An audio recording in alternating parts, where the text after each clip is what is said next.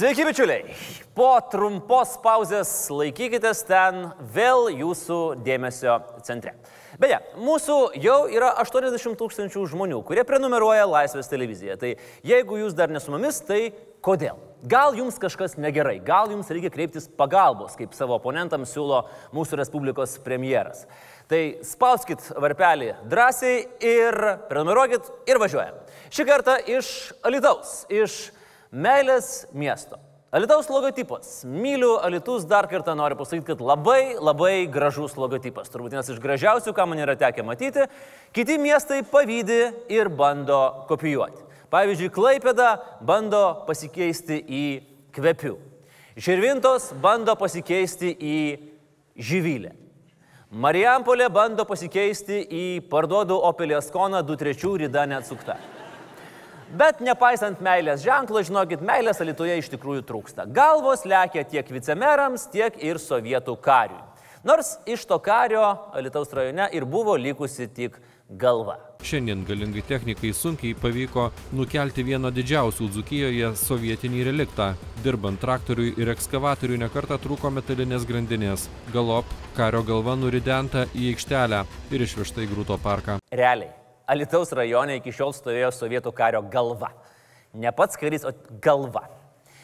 Ir beje, anksčiau paminėti vicemerai, jie buvo gražinti į pareigas. Valė Gibienė ir Tautida Tamulevičio atleido dėl prastų darbo rezultatų, bet vėliau merija matyt susiprato, kad be jų rezultatų iš viso nėra ir gražino. O vad skulptūra, aš tikiuosi, nebesugrįž, kad ir kokie būtų jos rezultatai. Na, o meras Grigaravičius Alituje liūdnai skundėsi, kad patyrė smūgį žemiau juostos. Nu, nieko. Šitam buvusiam komisarui žemiau juostos spardo oponentai, o kitas buvęs policijos komisaras žemiau juostos sugeba įsispirti ir pats. Apie tai mes šiandien ir kalbėsime. Meilės trūksta Lietuvoje, meilės trūksta net ir Alitaus krepšinėje. Kai čia vyko rungtynės prieš e, buvusius prienų bolus, Lemelo susimušė su Alitaus dzukijos krepšininku. Whoa, whoa, whoa, whoa. Oh, hello. We've got a skirmish going down here, folks. Whoa, whoa. Right next to us. Tokios uh, truputį prie juokingesnių muštinių, bet panašu, kad Lietuvoje žmonės tiesiog netoleruoja melo ir lemelo ir mėgsta spardyti bolus. Taip. O savaitės apžvalgą aš pagaliau galiu pradėti nuo gerų naujienų. Jeigu mūsų lordas protektorius Ramūnas rimtai tuo užsijims, Gruodį mums nebereikės kankintis ieškant, ką nupirkti giminėms, kuriuos matai vieną kartą per metus ir kiekviename prekybcentrio kampelėje klausytis Last Christmas I gave you my heart. Žodžiu, nuo šiol žalesis pikčiurna, kuris vagia kalėdas, yra vardu ne Grinčas, o Karbauskis. Ir rimtai, tokios kalbos apie kalėdų tradicijų keitimą ir senio kalėda didesnį įvedimą jau vyksta kultūros komitete. Na, lauksim rezultatų. Vis daugėja ir trypčiančių prie Vilniaus savivaldybės. Remigijus Šimašius paskelbė, jog sieks antros Vilniaus mero kadencijos ir pristatė savo 12 ambicijų planą. Na, šiaip 12 ambicijų skamba kaip nelabai vykusio kulinaro užsidegimas vienam paruošti visą kučių vakarienę stalą. Arba 12 žingsnių anoniminio sveikimo nuo liberalų sąjūdžio programa.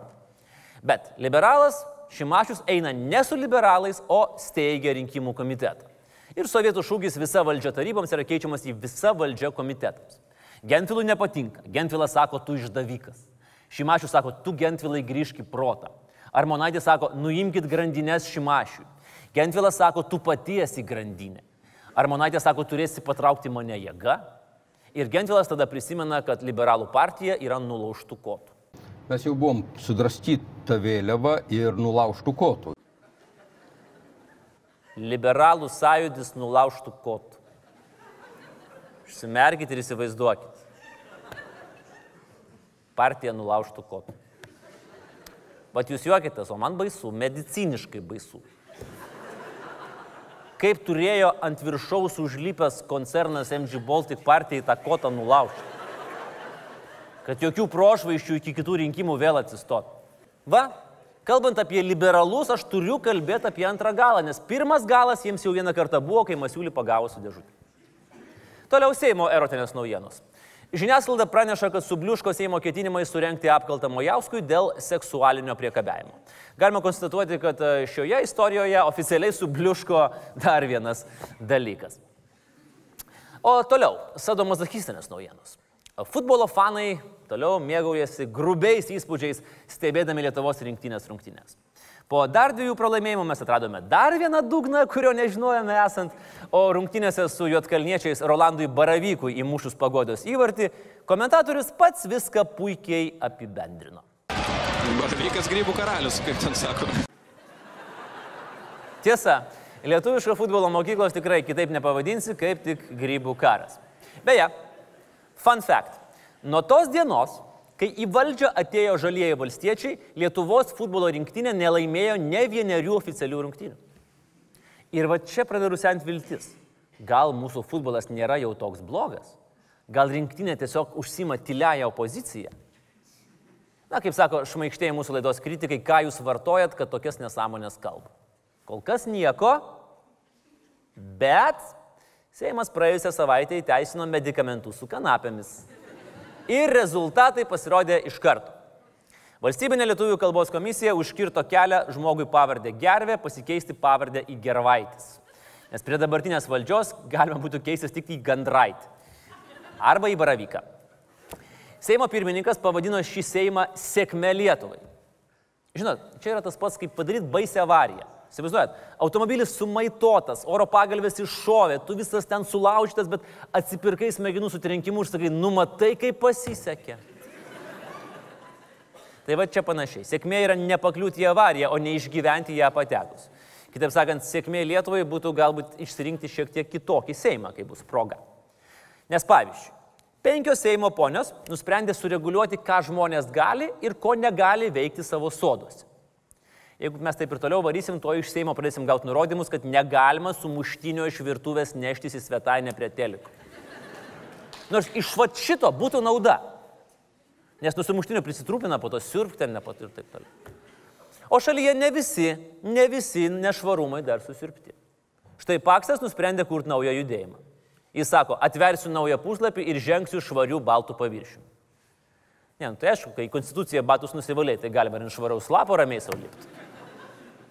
O mūsų Primas, kurį nuo šiol mes vadiname naikinantis įrašus, pagaliau gavo progą išbandyti savo anglų kalbos žinias. Ir prakalbo Japonijoje. I am pleased to note our very close cooperation with Japan's life sciences. The collaboration between Japan Agency for Medical Research and Development and the Lithuanian research institutions is particularly notable. We also keep close contacts with the Japan Science and Technology Agency and the Japan Society for Promotion of Sciences. Gal labiau neprakalbo vis dėlto, o perskaitė. Nes naikinantis įrašus skaitė raidės, kurios jam buvo parašytos ir vat, visai jam galbūt ir neblogai sekėsi.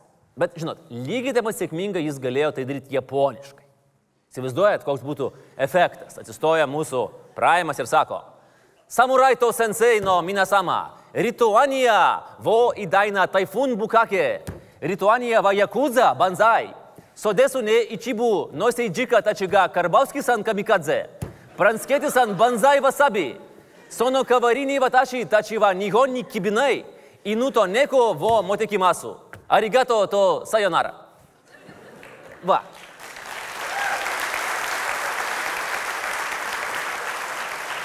Gaila, iš Japonijos jis neparsivežė garbingos tradicijos. Kai prisidirbi, pats pasidarai harakyrį. Politinė, aišku, harakyrį. Bet mūsų tokie veikėjai supranta vis dėlto ne garbės kodeksą, o labiau tik baudžiamai. Prezidentų naujienos. Įsibėgėja Tevinės sąjungos Lietuvos krikščionių demokratijos šventė. Ir žinot, konservatoriai labai kvietė Laisvės televiziją surenkti savo kandidatų Šasko ir Šimundės debatus. Nu taip kvietė, taip kvietė, sako, viską padarysim, tik tai darykite debatus. Sako, viską? Sako, viską. O sakau, galit viešai pavadinti savo Rimantą Joną Dagį tuo, ko jis iš tikrųjų yra. Nu, sako, šito negalim. Bet viską kitą galim. Nu gerai, sakau, šitą mes kaip nors patys pasivadinsim. O debatus mes padarysim be problemų, tai bus fun, pririnksim pilną salę, bus smagu. Po poros dienų Pist skambina man iš partijos. Sako, Ušatskas neis.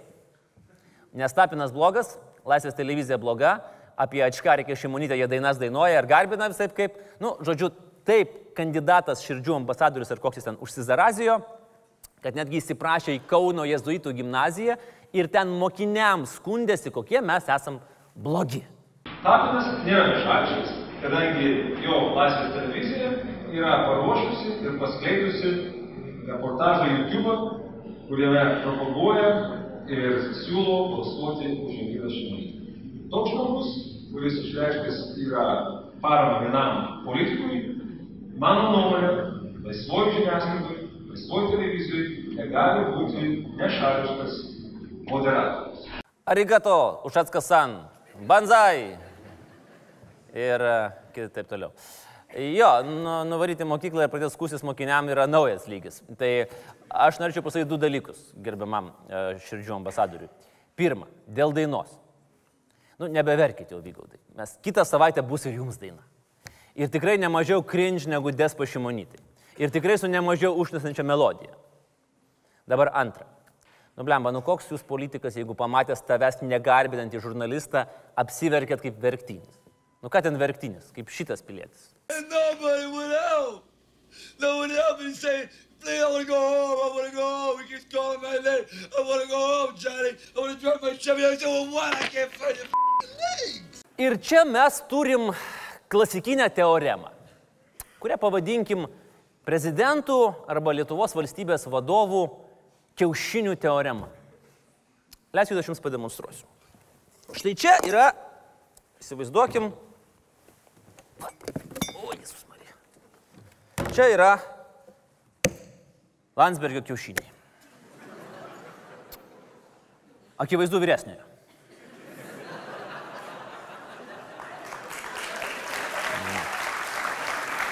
Nes maždaug e, tokių reikėjo sugriauti Sovietų sąjungai ir pasakyti, kad Lietuva bus laisva. Čia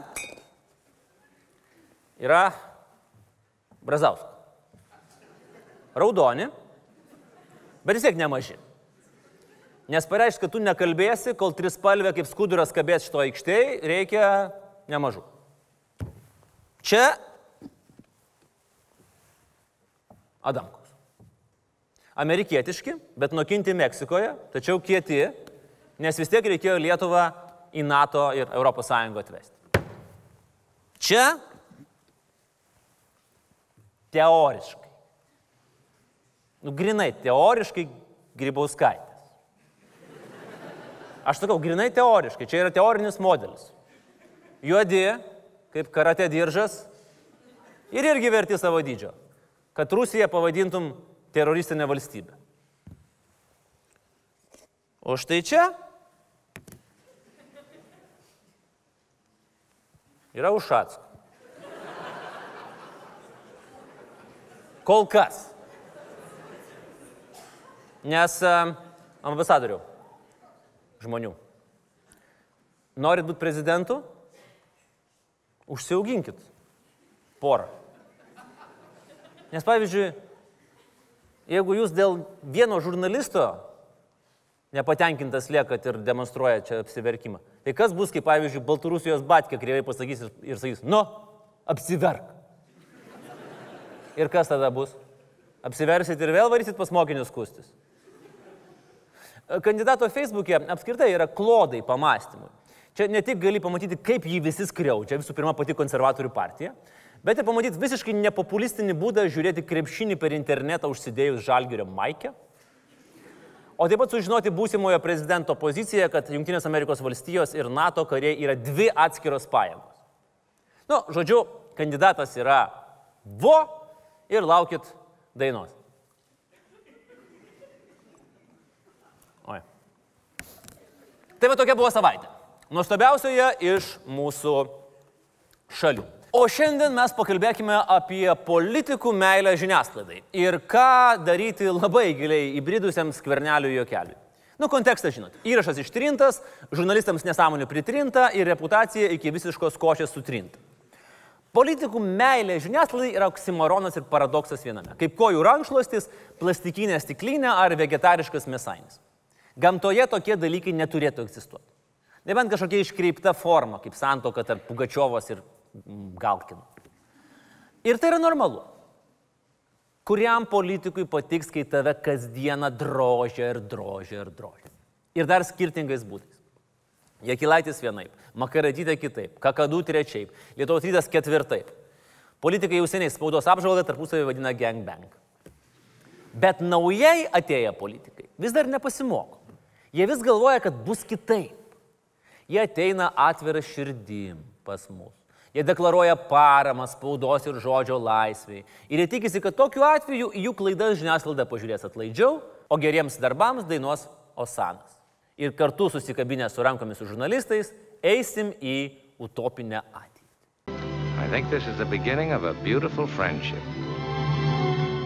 Ir tada jos iškruša. Ir tada nauji politikai įsižeidžia. 17 amžiaus britų poetas Viljamas Kongrevas yra pasakęs, Hell has no fury like a woman's court. Išvertus į lietuvių kalbą, pragaras nėra toks karštas, kaip įsižeidusi Agnė Širinskinė. Ir juk tai yra tiesa. Naujojo Seimo medaus mėnesio žiniasklaida buvo išskirtinai trumpas. Jau po mėnesio prasidėjo atsipimas, leiskit dirbti. O tada Delfija prašė Širinskinės disertaciją, kurioje jį esą, esą rašė, kad AIDS yra Dievo bausmė. Ir tada įsigijo priešą visam gyvenimui. Dar du mėnesiai ir sprogo Gretos skandalas. Negalima lyginti, kaip sakė Butkevičius, bet palyginkim. Iki Gretos skandalo Ramūnas buvo vienoks, o po skandalo jau visai kitoks. Ir aš nebejoju, kad iki šiol jis naktimis žiūri į lubas ir garsiai galvoja, kas būtų, jeigu būčiau nepaukojęs Gretos ant žiniasklaidos laužo. Ir jis nenurims, kol net keršys visiems. Nes lyst prie Ramūnos Gretos yra blogiau nei nuskriausti Džono Viko šuniuką. Ir valstiečiai gali sakyti, ką nori. Bet asmeniniam ir politiniam lygmenį žiniasklaida yra tapusi jų priešais. Labiau patyrę politikai galėtų paprotinti juos, kad karą su žiniasklaida laimėti labai sudėtingai. Nes jie juk pamena. Maždaug prieš 25 metus šalį valdė toks Gediminas Wagnerius. Tas pats, kur piešė žvėriukus ant popieriaus ir įtikino visus, kad už tos monopolio pinigus galima kažką nusipirkti. Tas pats, kuris nedraugavo su E raide ir vyriausybę vadino vyriausybė. Drožė jį tada spauda kaip šyva kumelė, kaip medinį šaukštą prieš kaziuko mūgį. Ir Gediminas pasitaikė net laidus. Ir op, nutarė įvesti naujus mokesčius ir apribojimus laikraščiams. Kodėl tik laikraščiams spaudai? Nu, todėl, kad norint pasinaudoti tuo metu internetu, reikėjo, kad sekretorė nekalbėtų telefonu. Ir apskritai ryšys atsirasdavo tik nuo 5 val. vakaro. 90-ųjų vaikai supras. Ir tada į vieną mitingą susirinko Respublika, Lietuvos rytas ir netgi Lietuvos aidas. Įsivaizduojat, petys petin stovėjo Vainauskas ir Tomkus. Kad būtų aiškiau jaunesniai kartai, įsivaizduokite, kad petys petin kartu stovi Batmanas ir Jokeris.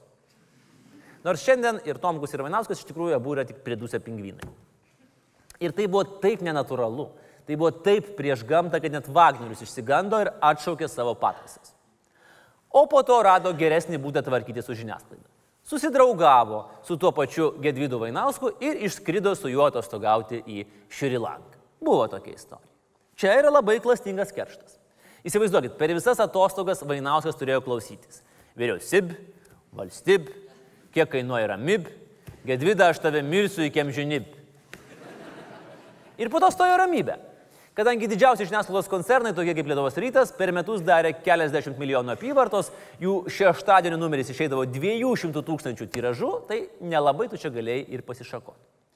Kitas, kuris bandė pasišakoti, buvo mano draugas Arūnas Valickas, kuris tapęs Seimo pirmininku pasakė, kad didžiaja dalimi dabar Seimas virtęs filmavimo studija, kur žmonės filmuojasi vaidindami Seimo narius, o aš norėčiau, kad jie dirbtų. Priminsiu, kad tuo metu Arūnas tik mėnesį buvo Seimo nariu, todėl buvo naivus kaip kūdikis. Ir jis pristatė Seime ženklų, kur galima filmuoti, kur įrašinėti, kur ne, nu panašiai kaip oro uoste, mūtinės postė ir vyriausybės pasitarime. Žiniasklaida labai įsižeidė ir pradėjo Valinską drožti kaip Wagnerių, kaip tą šaukštą prieš Kaziuko mūgį. Ir po pusmečio Valinskas jau nebebuvo Seimo pirmininkas. Kaip sakoma, ping Viktorai Pranskėti. Tačiau daugiausiai spaudai smogė ne Seimo pirmininko, o ministro pirmininko Andriaus Kubiliaus iniciatyvos. Jos beveik sulygino žurnalistų mokesčius su tais, kurie darbo sutartyse ir bent ketvirčių padidino spaudos išlaidas. Ir nuo tada Kubilius tapo pats mėgstamiausias žiniasklaidos personažas, pats nemėgstamiausias politikas apklausose ir šiaip Bubilius, o antrą žodį pasidėkit patys. Ir patyrę politikai tai prisimena.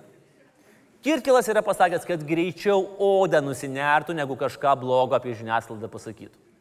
Zuokas jam antrino, kad politikas negali pykti ant žiniasklaidos ilgiau negu dvi valandas. Protingi žodžiai. Bet, kaip dažnai nutinka su protingais žodžiais, niekas jų labai neklauso. Ir kaip dažnai nutinka su Zuoku, su protingais žodžiais nebūna ilgiau nei dvi valandas. Tačiau, teisybės dėliai, pasakykim, kad ankstesni politikai, jeigu ir nemėgo žiniasklaidos, dažniausiai tai darė tyliai. Nes rimtai, kokioje pasaulio šalyje jūs matėt politiką, kuris mylėtų žurnalistą? Nu, būna, būna. Būna, koks nors ministras įsimylė ir veda vieną atskirai paimtą žurnalistą. Nu, kaip šiametą, pavyzdžiui. Arba politikas kaip Sakalas. Bet kad politikas mylėtų žurnalistą kaip tokį, nu taip nebūna. Jeigu kas nors galėtų ekranizuoti politikų sapnus su žurnalistais, tai juos reikėtų žymėti raidę S. Neskirtas silpnos psichikos žmonėms. Tik skirtumas tarp protingo ir durno politiko yra tas, kad protingas tuos erotinius sapnus pasakoja tik psichoterapeutui arba kunigui, o durnas bando juos realizuoti. Ir ryškiausias to pavyzdys yra mūsų vanabi prezidentas naikinantis įrašus. Beveik dviejus metus jis gan sėkmingai flirtavo su žiniasklaida. Na, nu, būna, kad pats lyzdavo, būna, kad užgerdavo, bet vėl prisistatydavo su gėlių plokštė ir šypsena veidė. Pasikėlė reitingus varšės loretukės ir su automatu po Vilnių lakstičio įgarioko sąskaitą. Kalbėjo apie žodžio laisvę ir žadėjo būdėti jos sargyboje. Na, nu, čia nenostabu. Būdėti sargyboje patirties vyrutis turi. Nu, gal nesargyboje, gal labiau reidė. Patarėjai irgi tikino, taigi mūsų Saulis, mūsų Saulis už laisvą žodį paskutinius marškinius atiduotų. Vienas patarėjas net pats žurnalistiką paliko, kad lydėtų šitą vyrą į valdžios viršūnę. Na, kaip 15 minučių tuomet didžiavusi savo alumnas Kirmanto Malinausko karjerą. Bet žinot, skriaudos pamažu kaupėsi. Ne taip kaip Ramūnų ir Agniai, kur pis ir priešai, bet palengva, kaip golumui kuris kalnų tamsoje po nosimi murmėjo padarytas skriaudas. Nesupresti jo keliai, policinė valstybė, palinkėjimai medikams emigruoti, neužkimštos burnos Seime, baime pasisakyti apie Seimo kolegų skandalus ir klystkelius, nedeklaruotos žmonos akcijos, interesai šiukšlių deginimo versle, skaudi kritika iš dauganto rūmų, negebėjimas valdyti pykčio, kai gauni nepatogų klausimą. Įsivaizduokit, premjerą. Jie mūsų nesupranta, mieliausias, jie nori atimti iš mūsų valdžias, skvernelis, skvernelis, skvernelis. Viskas kaupėsi. Ir buvusiam kelių policininkui tai supras darėsi vis sunkiau. Ten juk buvo paprasta. Pastabdai mašiną, pasakai viršijom vairuotojas ir išrašai baudą. O dabar ką? Pastabdai mašiną, o vairuotojas duoda tavo atgal iš karto, kad tavo kepurė kreiva, uniforma nešvari ir dar pateik įrašą kameros. Nu taip nėra buvę. O jeigu ir būtų, tai imi tokį ir guldai ant kapoto. O žiniasklaidos ant kapoto nepaguldys. Ir skriaudas kaupėsi. Galbūt ne taip smarkiai kaip Arija iš Game of Thrones, kuri prieš užmygdama vardindavo visus priešus, kuriuos planuoja nužudyti, bet kažkaip galbūt panašiai. Naikinantis įrašus turėjo pratrūkti. Ir jis pratruko pačiu nepalankiausiu metu, kai daug ant rūmo aikštė jau yra ranka pasiekiama. Na, kaip toje viduriajame stabdančių vaistų reklamoje. Och, nelaiku. Och, nelaiku. Ach, nelaiku. Ne, ne, nelaiku. Nelaiku, nelaiku. Nelaiku, nelaiku. Ne, nelaiku. Nelaiku. Kas buvo pasakyta tame nelemtame vyriausybės pasitarime, kad prireikė naikinti įrašą? Mūsų žiniomis žurnalistai pavadinti šūdvabaliais. Nu kam nepasitaiko? Žurnalistus dar netai pavadina. Mane, pavyzdžiui, yra pavadinę nenaudėliu. Paverkiau, bet ištvėriau. Negi baimė yra tokia didelė, kad reikia slėpti įkalčius. Šūdvabaliai. Nu, normiškai mėšlavabaliai. Vagnoriškai mšlavabaliai. Tai yra vabžiai, kurie minta žolėdžių gyvūnų išmatomis, todėl dažnai aptinkami ganyklose. Nu, tiesos yra. Nors mes labiau su mėsėdžiais vargstam. Seime veganų nerasta. Kita vertus, Egipte šūdvabalis yra šventas karabėjus. Turto ir šviesos simbolis. Tai jeigu tai pagyrė faraonas pagal pašaukimą ir profesiją, tai gal kaip ir pagyrimas. Bet naikinantis įrašus jau nebesivaldo. Jūs nešaukite gerbiamas, jeigu esate nestabilus, jūsų sveikata kažkas blogai, tai kreipkitės į įstaigas atitinkamas ir jums galbūt padės. premjerė. Ačiū premjerė, sako, labai ačiū. Čia jau, čia jau nebe, tas variantas, kai policininką apšaukė iš sustabdytos mašinos. Čia yra variantas, kai stabdai, stabdai, stabdai, stabdai, mojuoji lasdėliau, tie psichiškai nestabilus nestoja. Kelių faraonui nėra didesnio įžeidimo. Ir naikinantis įrašus blaškos. Jis supranta, kad Leopardas parodė savo dėmes ir santykius su žiniasklaida taip lengvai neatstatys. Bet kam jie reikalingi tie santykiai, galvoja jis. Nes juk interneto amžius. Ir dabar tu pats gali būti žiniasklaida.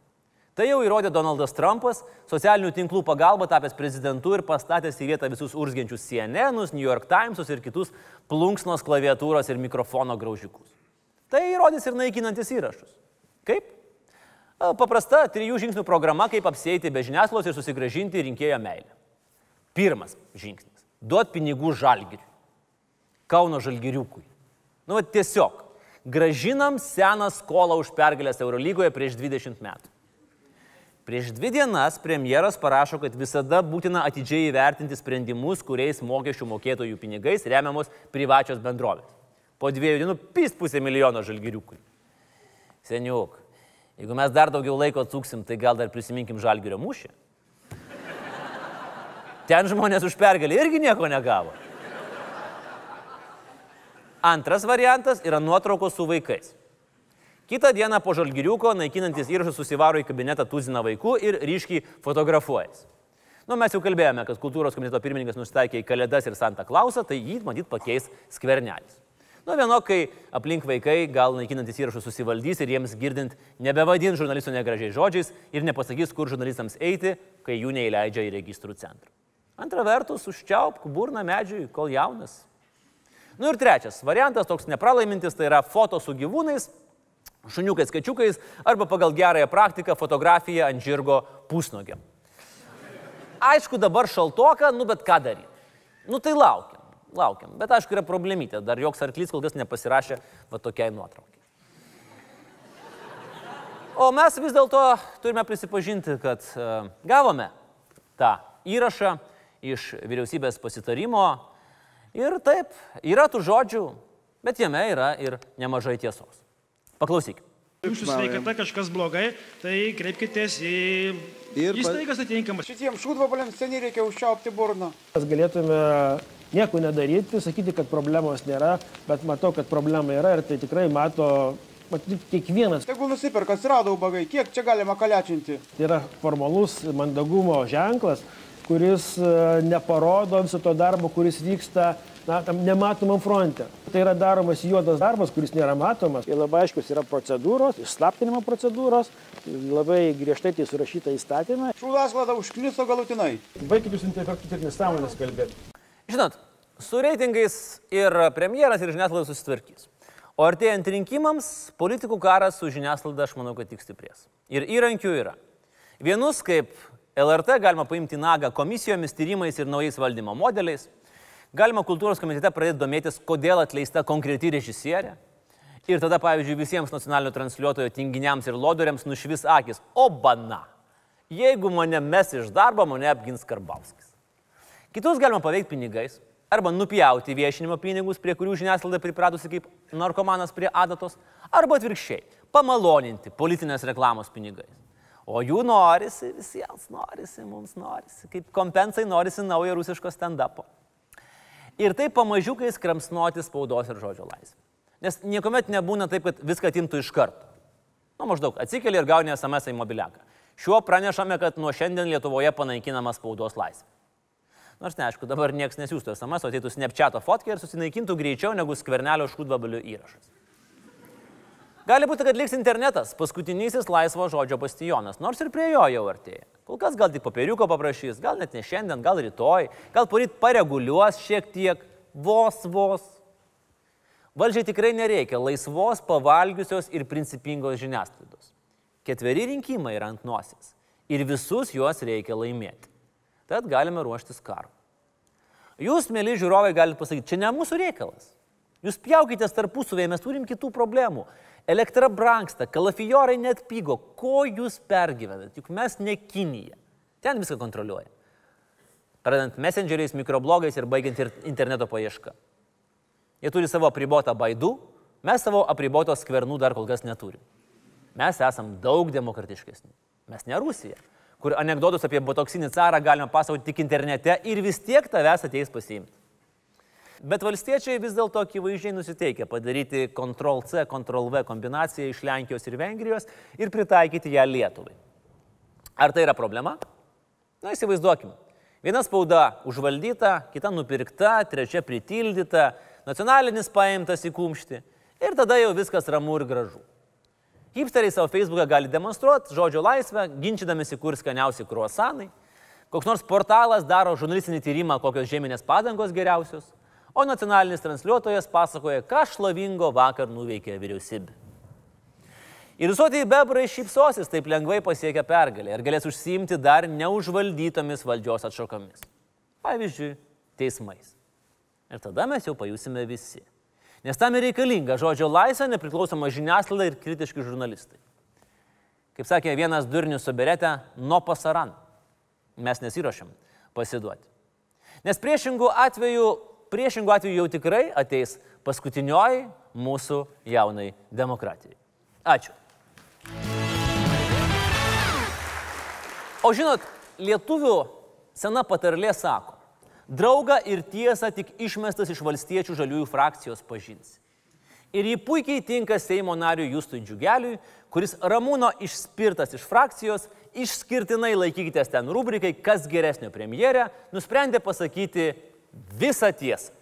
Aš atėjau į Seimą vien tik tai mygtukų spaudyti. Reputacija man tikrai yra paskutinėje vietoje. Opozicija yra proto negalę turinčių žmonių e, bendruomenė. Ten vyksta darbo imitavimas, e, sėdi daug žmonių, visi verda savo sultyse. E, Aš pats buvau vieną kartą darbo grupiai ir supratau, kad iš tiesų ten tiesiog vyksta lytiniai žaidimai ir aiškiai suvokiau, kad turiu daugiau lytinės patirties negu Agnė Širinskinė. Per jėgą prievartavau Andrių Kubilių susimokėti už ramybę.